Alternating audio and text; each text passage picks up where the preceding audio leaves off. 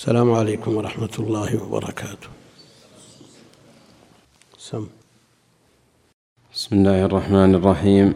الحمد لله رب العالمين وصلى الله وسلم وبارك على نبينا محمد وعلى آله وصحبه أجمعين. اللهم اغفر لنا ولشيخنا وللمستمعين برحمتك يا أرحم الراحمين. قال الإمام المجدد رحمه الله تعالى باب ما جاء في التطير. وقول الله تعالى ألا إنما طائرهم عند الله ولكن أكثرهم لا يعلمون. وقوله قالوا طائركم معكم. الآية عن أبي هريرة رضي الله عنه أن رسول الله صلى الله عليه وسلم قال لا عدوى ولا طيرة ولا هامة ولا صفر. أخرجاه زاد مسلم. ولا نوء ولا غول. غول غول. صلى الله عليك ولا نوء ولا غول. ولهما عن أنس رضي الله عنه قال قال رسول الله صلى الله عليه وسلم لا عدوى ولا طيرة ويعجبني الفأل. قالوا وما الفأل؟ قال الكلمة الطيبة. ولأبي داود بسند صحيح عن عقبة بن عامر رضي الله عنه قال ذكرت الطيرة عند رسول الله صلى الله عليه وسلم فقال أحسنها الفأل. ولا ترد مسلما فإذا رأى أحدكم ما يكره فليقل اللهم لا يأتي بالحسنات إلا أنت ولا يدفع السيئات إلا أنت ولا حول ولا قوة إلا بك. وعن ابن مسعود رضي الله عنه مرفوعا الطيرة شرك الطيرة شرك. وما منا الا وما منا الا ولكن الله يذهبه بالتوكل رواه أبو داود والترمذي وصححه وجعل آخره من قول ابن مسعود ولأحمد من حديث ابن عمرو من ردته الطيرة عن حاجته فقد أشرك قالوا فما كفارة ذلك؟ قال أن تقول اللهم لا خير إلا خيرك ولا طير إلا طيرك ولا إله غيرك. وله من حديث الفضل بن ابن العباس رضي الله عنهما إنما الطيرة ما أمضاك أو ردك. فيه مسائل. الأولى التنبيه على قوله ألا إنما طائرهم عند الله؟ مع قوله طائركم معكم. الثانية نفي العدوى. الثالثة نفي الطيرة. الرابعة نفي الهامة. الخامسة نفي الصفر. السادسة أن الفال ليس من ذلك بل مستحب. السابعة تفسير الفال الثامنة أن الواقع في القلب من ذلك مع كراهته لا يضر بل يذهبه التوكل. التاسعة ذكر ما يقوله من وجده. العاشرة التصريح بأن الطيرة شرك. الحاديه عشرة تفسير الطيرة المذمومة. الحمد لله رب العالمين وصلى الله وسلم وبارك على عبده ورسوله نبينا محمد وعلى آله وأصحابه أجمعين. أما بعد فيقول الإمام المجدد محمد بن عبد الوهاب أجزل الله له الأجر والثواب وجمعنا وإياه في جنات النعيم ووالدينا ووالديهم وجميع المسلمين. يقول رحمه الله باب ما جاء في التطير. تطير تفعل مصدر. تطير المضاعف. يتطير تطيرا. مثل تخير تخيرا. والطيرة اسم المصدر. والطيرة اسم المصدر كالخيرة والتكليم مصدر تكلم والكلام اسم المصدر وهكذا. العرب في جاهليتهم كانوا كانت قلوبهم تدور بها الأهواء يمينا وشمالا ولا قاعدة لهم. ولا مرجع لهم في ذلك إلا عاداتهم. فكانوا يتشاءمون وتطيرون بالطيور. ولذلك قيل تطير أخذا من الطيور التي هي أكثر ما يتشاءمون بها من الطيور. وقد تشاءمون بأرنب ولا أي شيء ثاني. لكن التطير في الجملة ينظرون ويستعمل قد يستعملون قبل التطير العيافة التي هي زجر الطير لأن الطائر إما أن يطير بنفسه من غير إثارة وإما أن يثار فيطير. فالعيافة كما تقدم زجر الطير. من أجل إيش؟ يزجره ليطير فينظر ماذا يصنع. فإن طار عن يمينه صار السانح. أو عن يساره فهو البارح. ومن أمامه من ما هو؟ ها؟ نعم الناطح والنطيح. ومن خلفه القاعد والقعيد. هم يتصرفون على حسب ما صنعه هذا الطائر. والطائر هل بيده تدبير أو له عقل يستطيع أن يتصرف فيه مثل هذه التصرفات عن حكمة ورأي بحيث أن العاقل الرجل مكتمل العقل يمضي على حسب ما وجهه هذا الطائر إن كان له قصد وليس له قصد في الجملة. إذا جاء الطائر من يمينه مضى في سبيله ورأى أن مشواره ناجح وتجارته التي يريدها تامة. وإن صار عن يساره وهو البارح قال لا هذا شؤم ونحس فلا يتم سفره بل يرجع إلى مكانه. ويجزم بأن تجارته خاسرة. إذا طار الطائر وراح عن يمين أو شمال وهذا الرجل الذي سار في طريقه إلى وجهته إن مضى بسبب ذلك أو رجع بسببه هذا هو التطير. فالطيرة ما أمضاك أو ردك وهي شرك.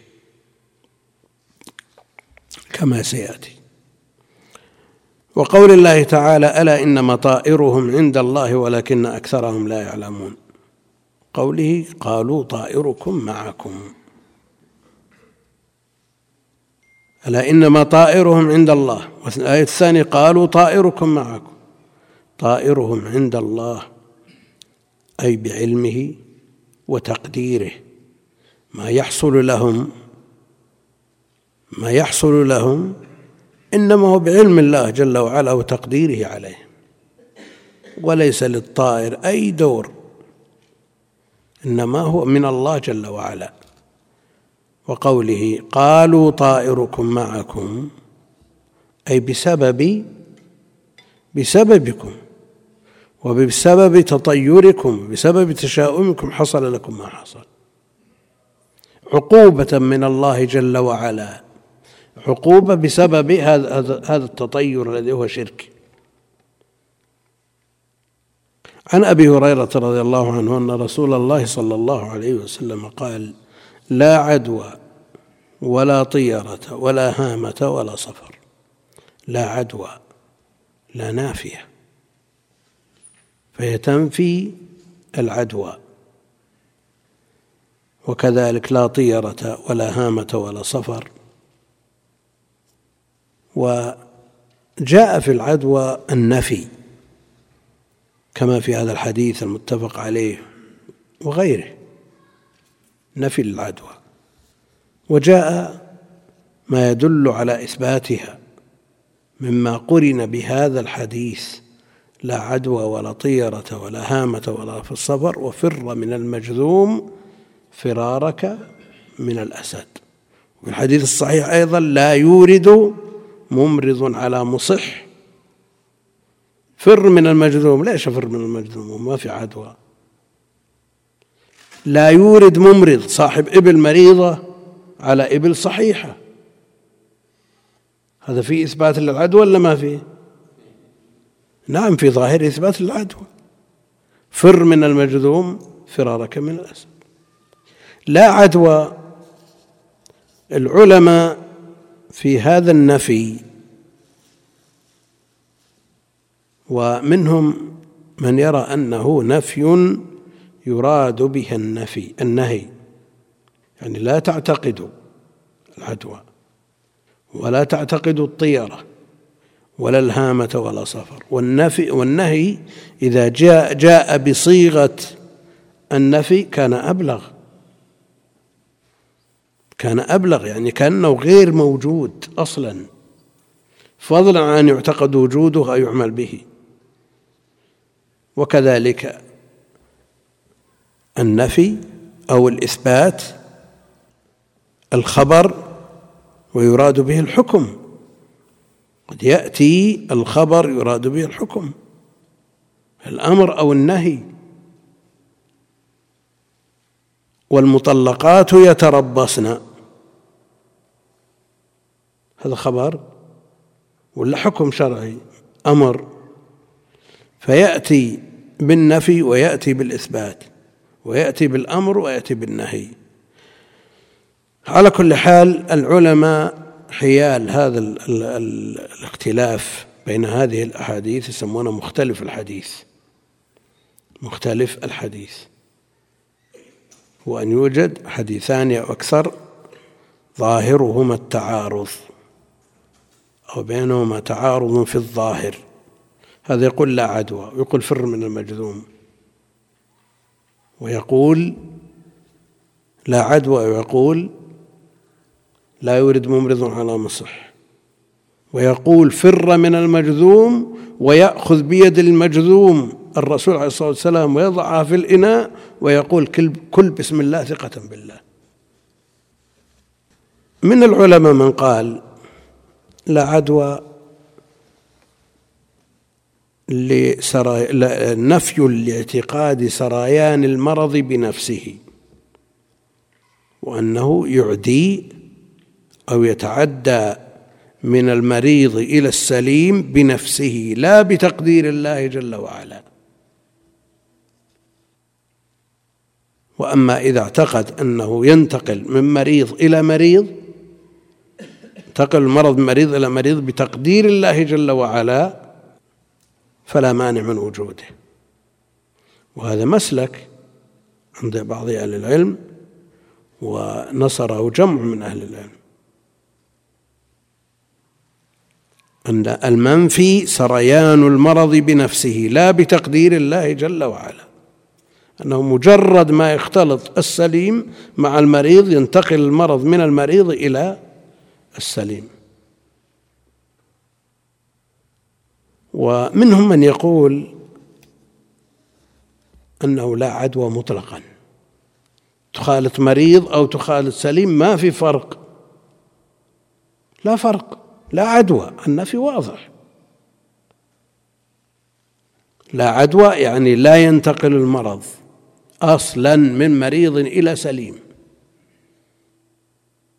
طيب فر من المجذوم فرارك من الأسد. لا يورد ممرض على مصح؟ قال من أجل الحفاظ على عقيدة الإنسان. لئلا يقدر الله انتقال انتقال المرض من المريض إلى السليم بتقديره جل وعلا في في أثناء المخالطة فيعتقد أنه اعدى فيقع في الحرج من مخالفة الحديث. فبدلا من أن تقول أعداني فلان أو تعدى إلي فلان احسم المادة ولا تورد ممرض على مصح ولا ولا وفر من المجذوم. هذا مسلك ثاني لأهل العلم. الأول أنه لا عدوى أصلا لا توجد العدوى والنهي عن مخالطة المريض سواء كان من بني آدم أو من الإبل من أجل أن لا ينتقل المرض فيعتقد المسلم أن هناك عدوى والرسول عليه الصلاة والسلام يقول لا عدوى.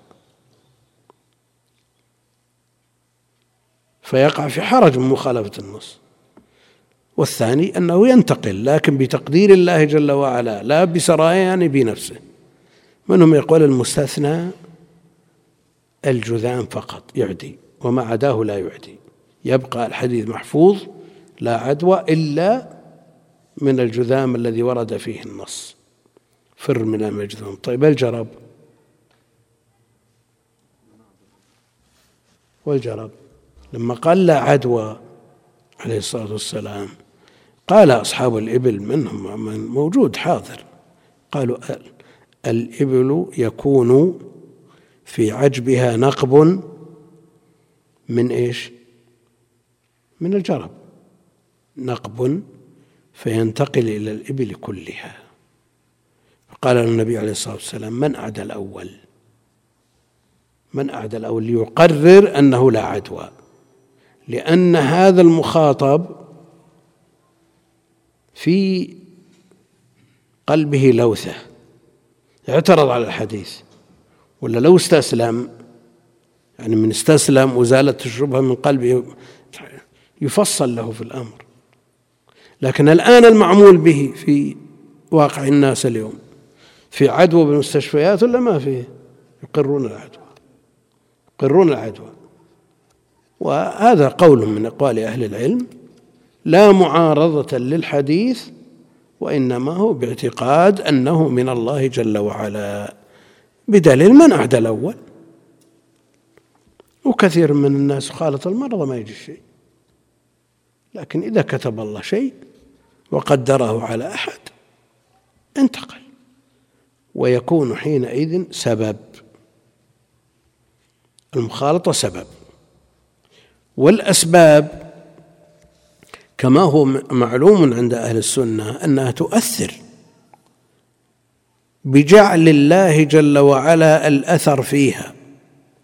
وأن لا تؤثر بنفسها تستقل بالأثر ولا أنها ليس لها أثر البتة. لها أثر و وذلك الأثر بتقدير الله جل وعلا وجعله التأثير فيها. الذين يقولون أسباب لا تؤثر يستوي في ذلك عندهم من لبس الثياب وزاد فيها ولم يتعرض للبرد وجلس عند النار يستدفئ في الشتاء. لا شك أنه سبب لكن لا يمنع أن يدخلها البرد لأن السبب غير مؤثر بنفسه. لكن الذي يقول لا تأثير لها يقولون تروش تحت الماء البارد بثوب واحد واخرج إلى العراء أو اصعد إلى السطح. ما في فرق. والسبب ما له أي أثر. يصلح هذا؟ نعم. المقصود أن معتقد أهل السنة أن لها أثر؟ والله جل وعلا هو الذي جعل فيها الأثر وأنها مؤثرة بتقدير الله جل وعلا ومنها مخالطة المريض سبب وقد ينتقل المرض إلى السليم بجعل الله جل وعلا لهذا السبب من قدرة السريان إلى الصحيح وكل شيء بقدر لا عدوى ولا طيرة.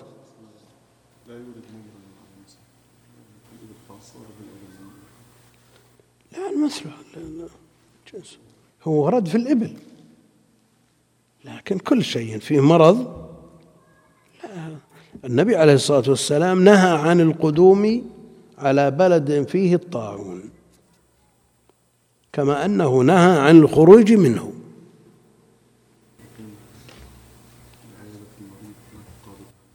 شلون؟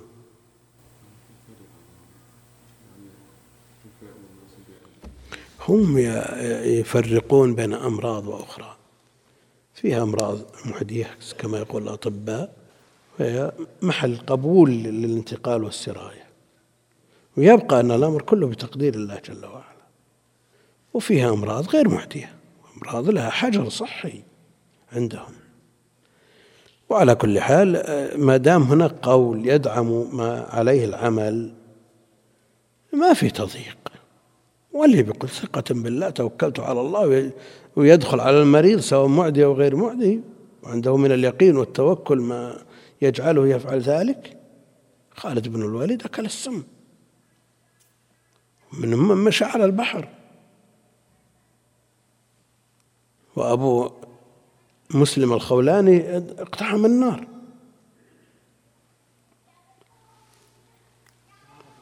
ها؟ بذاتها. لا بذاتها. ما رب مسبب أصلا. على كل حال المسألة مبحوثة وابن القيم رحمه الله أطال الكلام فيها. ها؟ لا هذا الشؤم. سيأتي الشؤم. سيأتي الشؤم. ولا عدوى ولا طيرة. يعني التشاؤم بالطيور الذي سبق أن شرحناه أو بغيرها من الحيوانات منفي ولا هامة طائر يعرف بالبومة. تعرفه هذا الاسم عندكم كذا؟ وأنتم المقصود أنه ما يحتاج إلى تعب معروف. طائر يقع على البيوت فإذا نعق قالوا نعى صاحب البيت أو أحد من أهل البيت. يعتقدون في ذلك خلاص. يجزمون بأنه بيموت ونفاه النبي عليه الصلاة والسلام. والبومة طائر ضعيف لا حول له ولا قوة ولا يستطيع أن يؤثر في شيء. وهو كغيره من الطيور. ولا هامة ولا صفر. صفر قالوا إنه داء يكون في البطن. داء يكون في البطن وتعتقد فيه العرب اعتقادا أنه إذا وجد في شخص أنه ينتقل إلى غيره وأنه وانه مقصود أنه هذا الداء عندهم يعتقدون فيه ما يعتقدون وهذا قول. والثاني أنه لا شؤم في شهر صفر. صفر كغيره من الشهور لا أثر له والعرب يتشاءمون في صفر.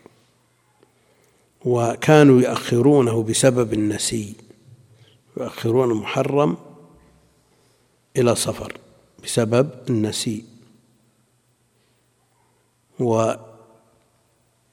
ويحرمون العمرة في الأشهر الحرم ويؤجلونها إلى صفر. يقولون إذا جاء صفر وبرأ الدبر الدبر الذي يلحق الإبل بسبب الحمل وكثرة المشي عليها بسبب الحج إذا رجعوا ما يرجعون إلا بعد مضي مدة. يبرأ فيها الدبر الذي في الإبل.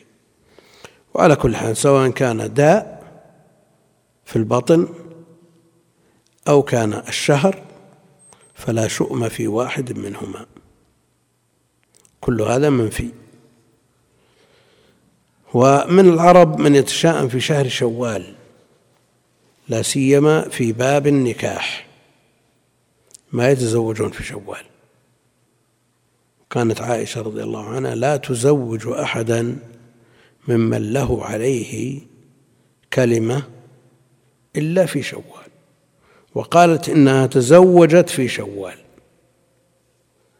وأي نسائه عليه الصلاة والسلام أحظى منها عنده.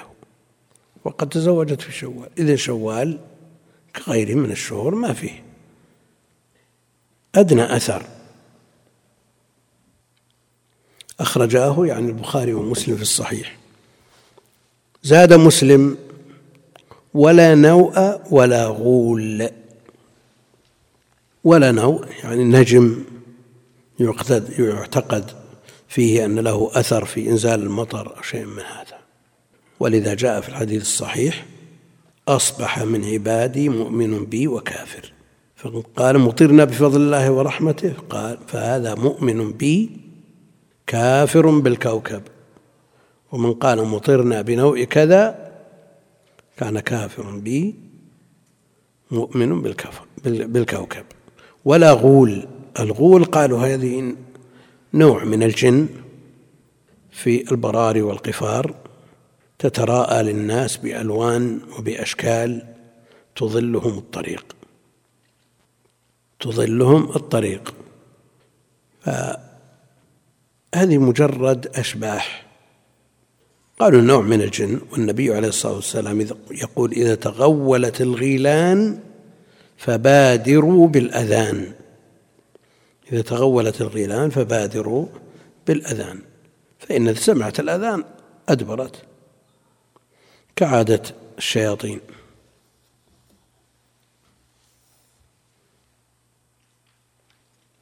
وهذا النوع من الجن قد يقال له السعالي.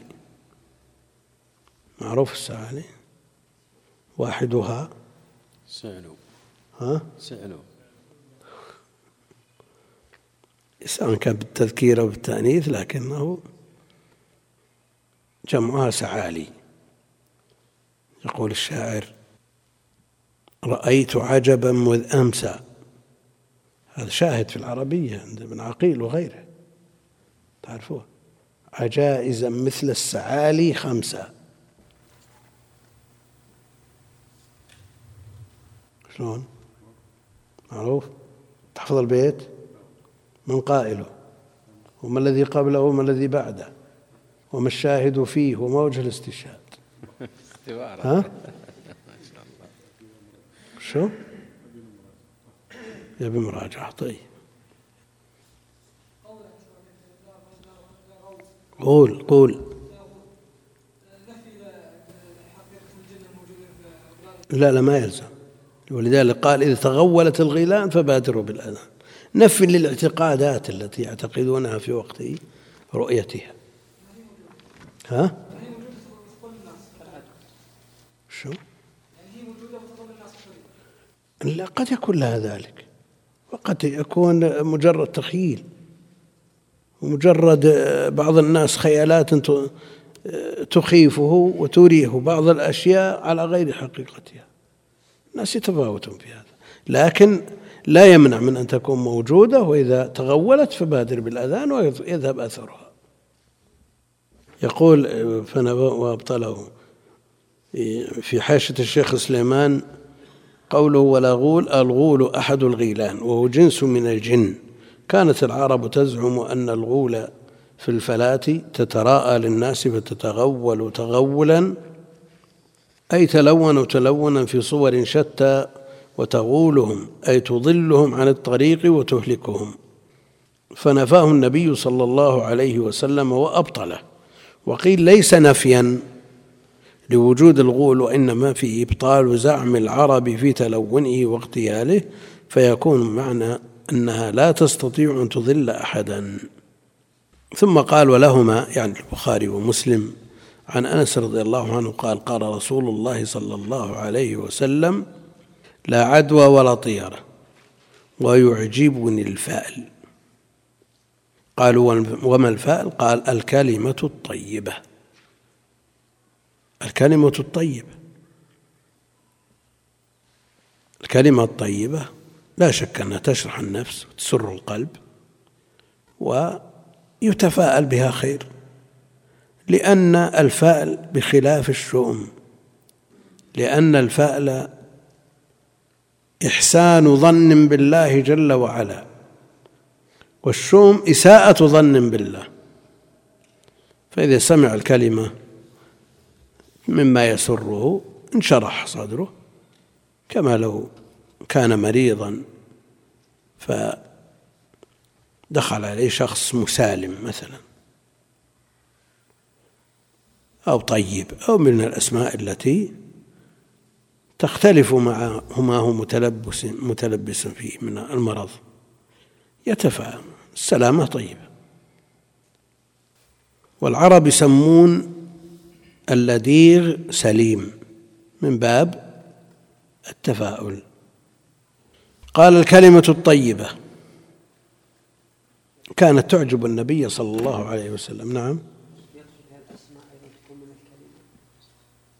شلون من الكلمة؟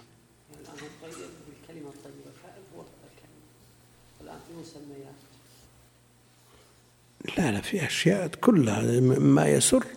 إذا واجهت ما يسرك تفاءلت وانشرح صدرك ولن يمضيك ولن يردك.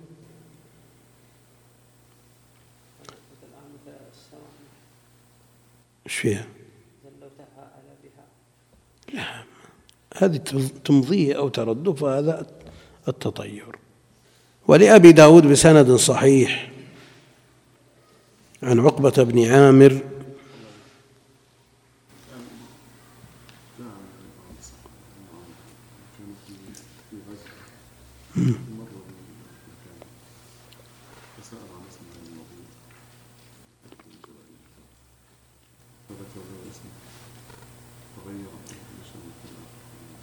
عمر رضي الله عنه جاءه رجل فقال ما اسمك؟ قال جمرة. قال ابن لظى ابن لظى ابن كذا ابن كذا. قال اذهب فقد احترق بيتك. هذا مو فعل ولا شو؟ استدلال باللفظ على مدلوله وكونهم عمدوا إلى هذه الألفاظ يستحقون من من الجزاء ما ما أصابهم.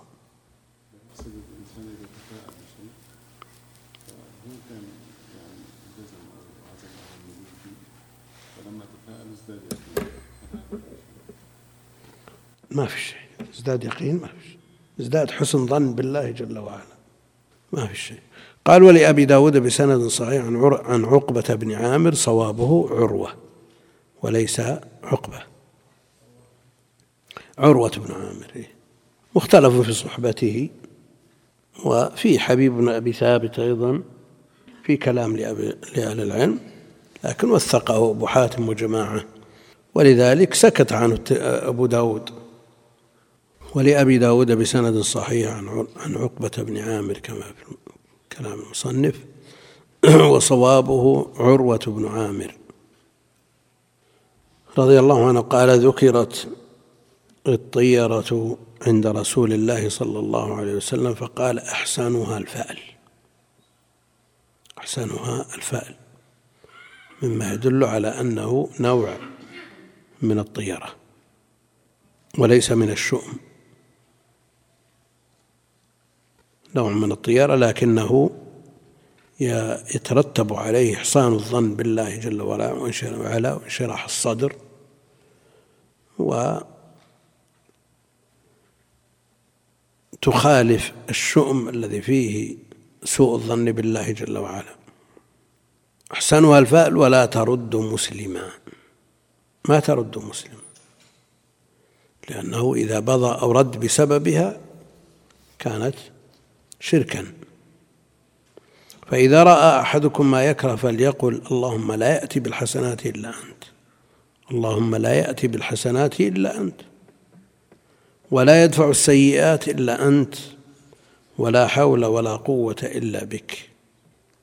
إذا رأى أحدكم شيئا ينبعث أو ينتج عنه شؤما يمضيه أو يرد فليقول هذا الذكر اللهم لا يأتي بالحسنات إلا أنت ولا يدفع السيئات إلا أنت ولا حول ولا قوة إلا بك. اعتراف من العبد لله جل وعلا أن أزمة الأمور كلها بيده جل وعلا. فالحسنات والخير كله من الله جل وعلا ودفع الشرور والآفات والسيئات عنده عز وجل. ولا حول ولا قوة إلا بك. عبد ضعيف مسكين لا حول له ولا قوة ولا قدرة إلا بالله جل وعلا. الحديث مثل ما قلنا عروة مختلف في صحبته. وأثبتها جماعة من أهل العلم وحبيب بن أبي ثابت مختلف في توثيقه لكن وثقه أبو حاتم رحمه الله وهو من أشد علماء الجرح في التوثيق ولذا سكت عنه أبو داود. وقد قال في رسالته إلى أهل مكة ذكرت فيه الصحيح وما يشبهه ويقاربه وما سكت عنه وهو صالح.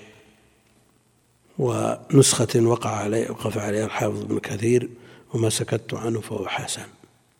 مع أنه رحمه الله قد سكت عن أحاديث فيها كلام لأهل العلم لا تصل إلى درجة الحسن. وقالوا إن صالح كلمة صالح أوسع من حسن. والصلاحية حينئذ تكون أعم من الاحتجاج أو الاستشهاد. ها؟ إذا صلح الاستشهاد انجبر إذا جاء له شاهد. وما فيه ضعف شديد أو وهن شديد قلته.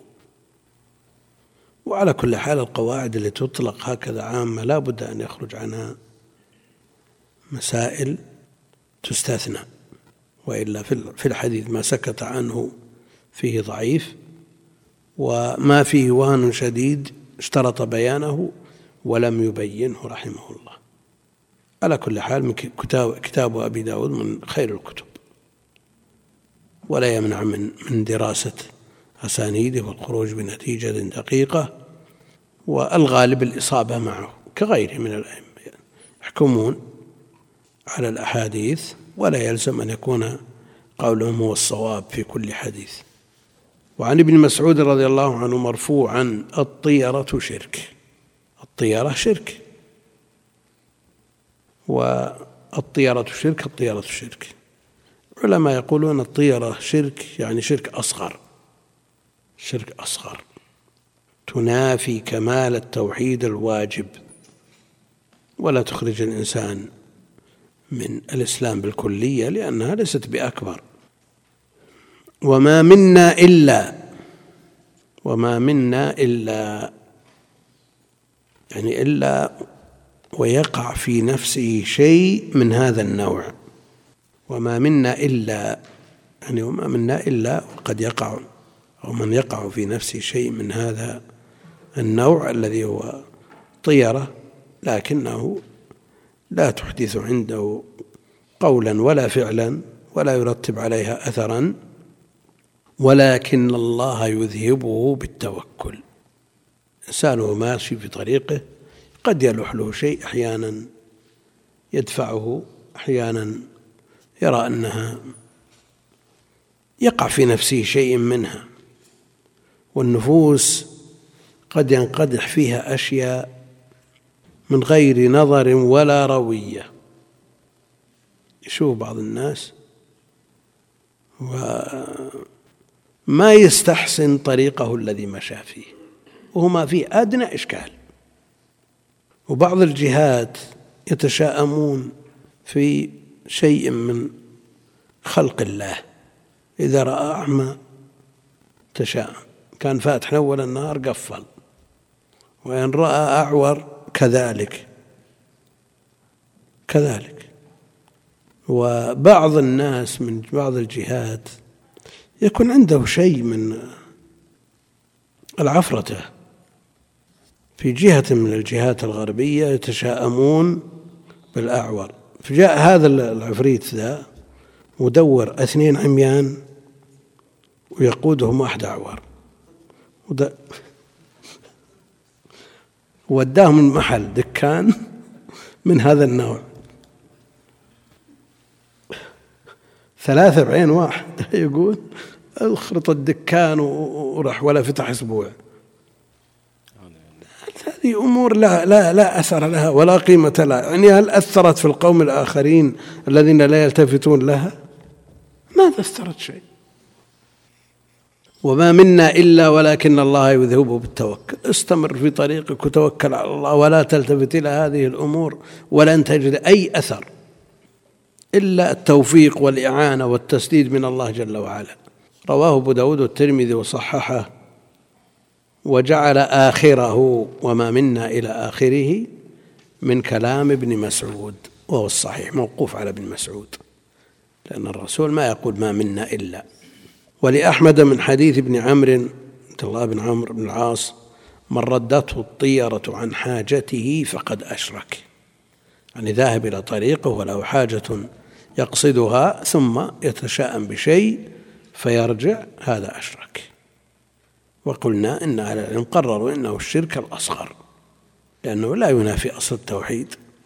إلا إذا اعتقد أن هذا الطائر أو هذا هذا الطائر هو الذي سوف يرزقه أو يمنعه الرزق أو ما أشبه ذلك هذا لا شك أنه أكبر. قالوا فما كفارة ذلك؟ قال أن تقول اللهم لا خير إلا خيرك. الخير من الله الخير بيديك. ولا طير إلا طيرك. ما في طيور مخلوقات ضعيفة لا سوانح ولا بوارح ولا غيرها. ولا طير إلا طيرك ولا إله غيرك. ولا إله غيرك. وحدك لا شريك لك. وله من حديث الفضل بن العباس رضي الله عنه إنما الطيرة ما أمضاك أو ردك. هذا ضابط. هذا ضابط. يعني كونه يقع في نفسك شيء وتمضي ولا ترجع لا بسبب هذا الطائر يعني كونه يأتي من شمالك. المقتضى في عادة العرب أن يتشاءم ويرجع. إذا ذهبت ما ردك ما عليك لا أثر له. وقل مثل هذا في لو جاءك من اليمين ولم يمضك ونظرت في أمرك ونظرت لا أثر له فإن نظرت إلى الخيرة في مضيك فأنت على الأصل وإن رجعت فلا أثر لذلك. ما أمضاك أو ردك. قال رحمه الله في مسائل. الأولى التنبيه على قوله إنما طائرهم عند الله مع قوله طائركم معكم وهذا في أول الباب كأن فيها نوع تعارض لكن المقصود بالآية الأولى غير المقصود بالآية الثانية. طائرهم عند الله بعلمه وتقديره والثاني طائركم معكم بسبب ذنوبكم وجناياتكم. الثانية نفي العدوى لأنه قال لا عدوى. عرفنا بالنفي المذكور في العدوى. الثالثة نفي الطيرة كذلك.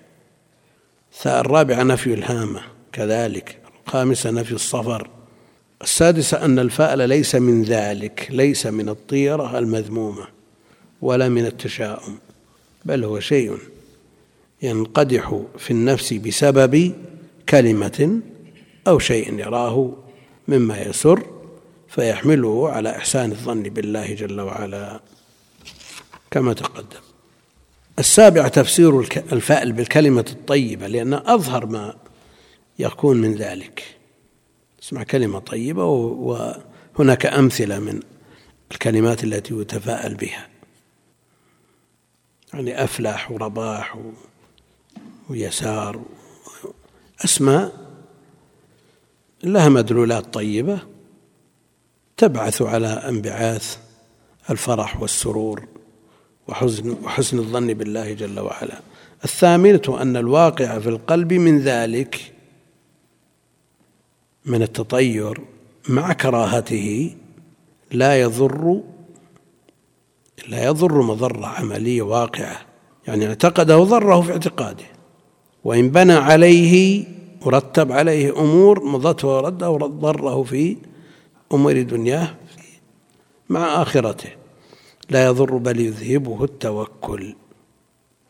التاسعة ذكر ما يقوله من وجده. اللهم لا خير إلا خيرك ولا طير إلا طيرك ولا إله غيرك. العاشرة التصريح بأن الطيرة شرك. تصريح بأن الطيرة شرك وعرفنا أنها من نوع الشرك الأصغر. الحادية عشرة تفسير الطيرة المذمومة. تفسير الطيرة المذمومة وقد مضى تفسيرها والله أعلم. صلى الله وسلم على نبينا محمد وعلى آله وصحبه أجمعين. ها؟ شو؟ يقول في الحديث إن كان الشؤم ففي ثلاث المرأة والدابة والدار. المرأة والدابة والدار. هذا يثبت التشاؤم بهذه الأمور في لفظه.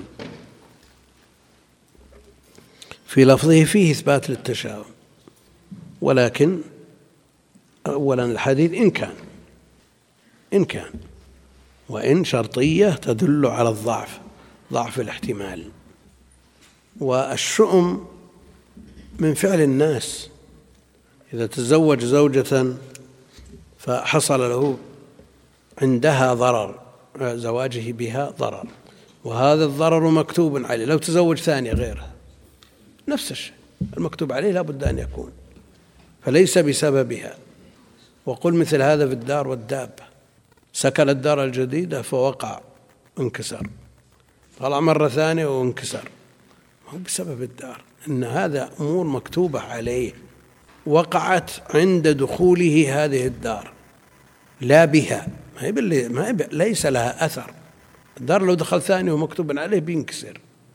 وقل مثل هذه هذا في الدابة لقد يكون لخلق الدابة أثر.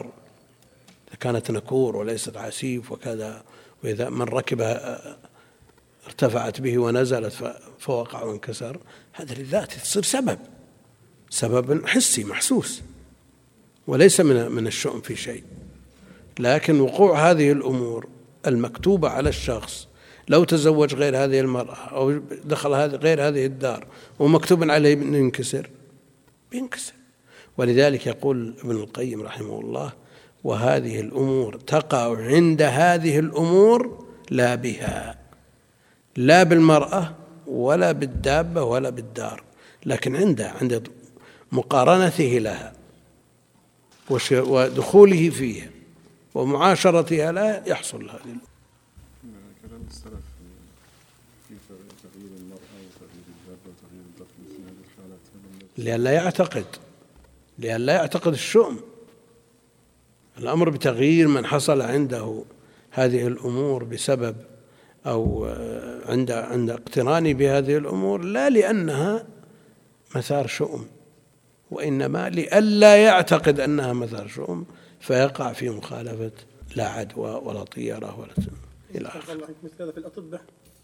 أحيانا بعض الأطباء خاصة مع العمليات يجد الشخص في نفسه لما يكون هناك بعض الأطباء مفتوحة.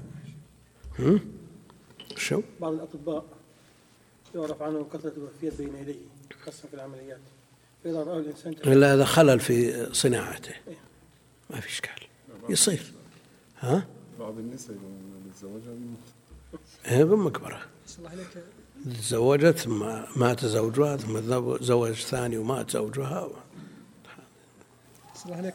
لو أن انسان صدم في الطريق. ثم أصبح يكره هذا الطريق. لا يأتي. هل هذا يعتبر طيرة؟ لكن هل هو هذا الطريق أنسب له من غيره وتركه من أجل ذلك؟ هذا تشاؤم الطريق اللي يمر عليه لكن صار غيره. يعني إذا كان أقرب له من غيره نعم. تشاؤم شيخ حديث إذا كان الشؤم في إذا كان الشؤم في شيء ففي ثلاثة هذا حديث صحيح؟ صحيح. بعض الروايات هذا اللي تكلمنا عليه الآن.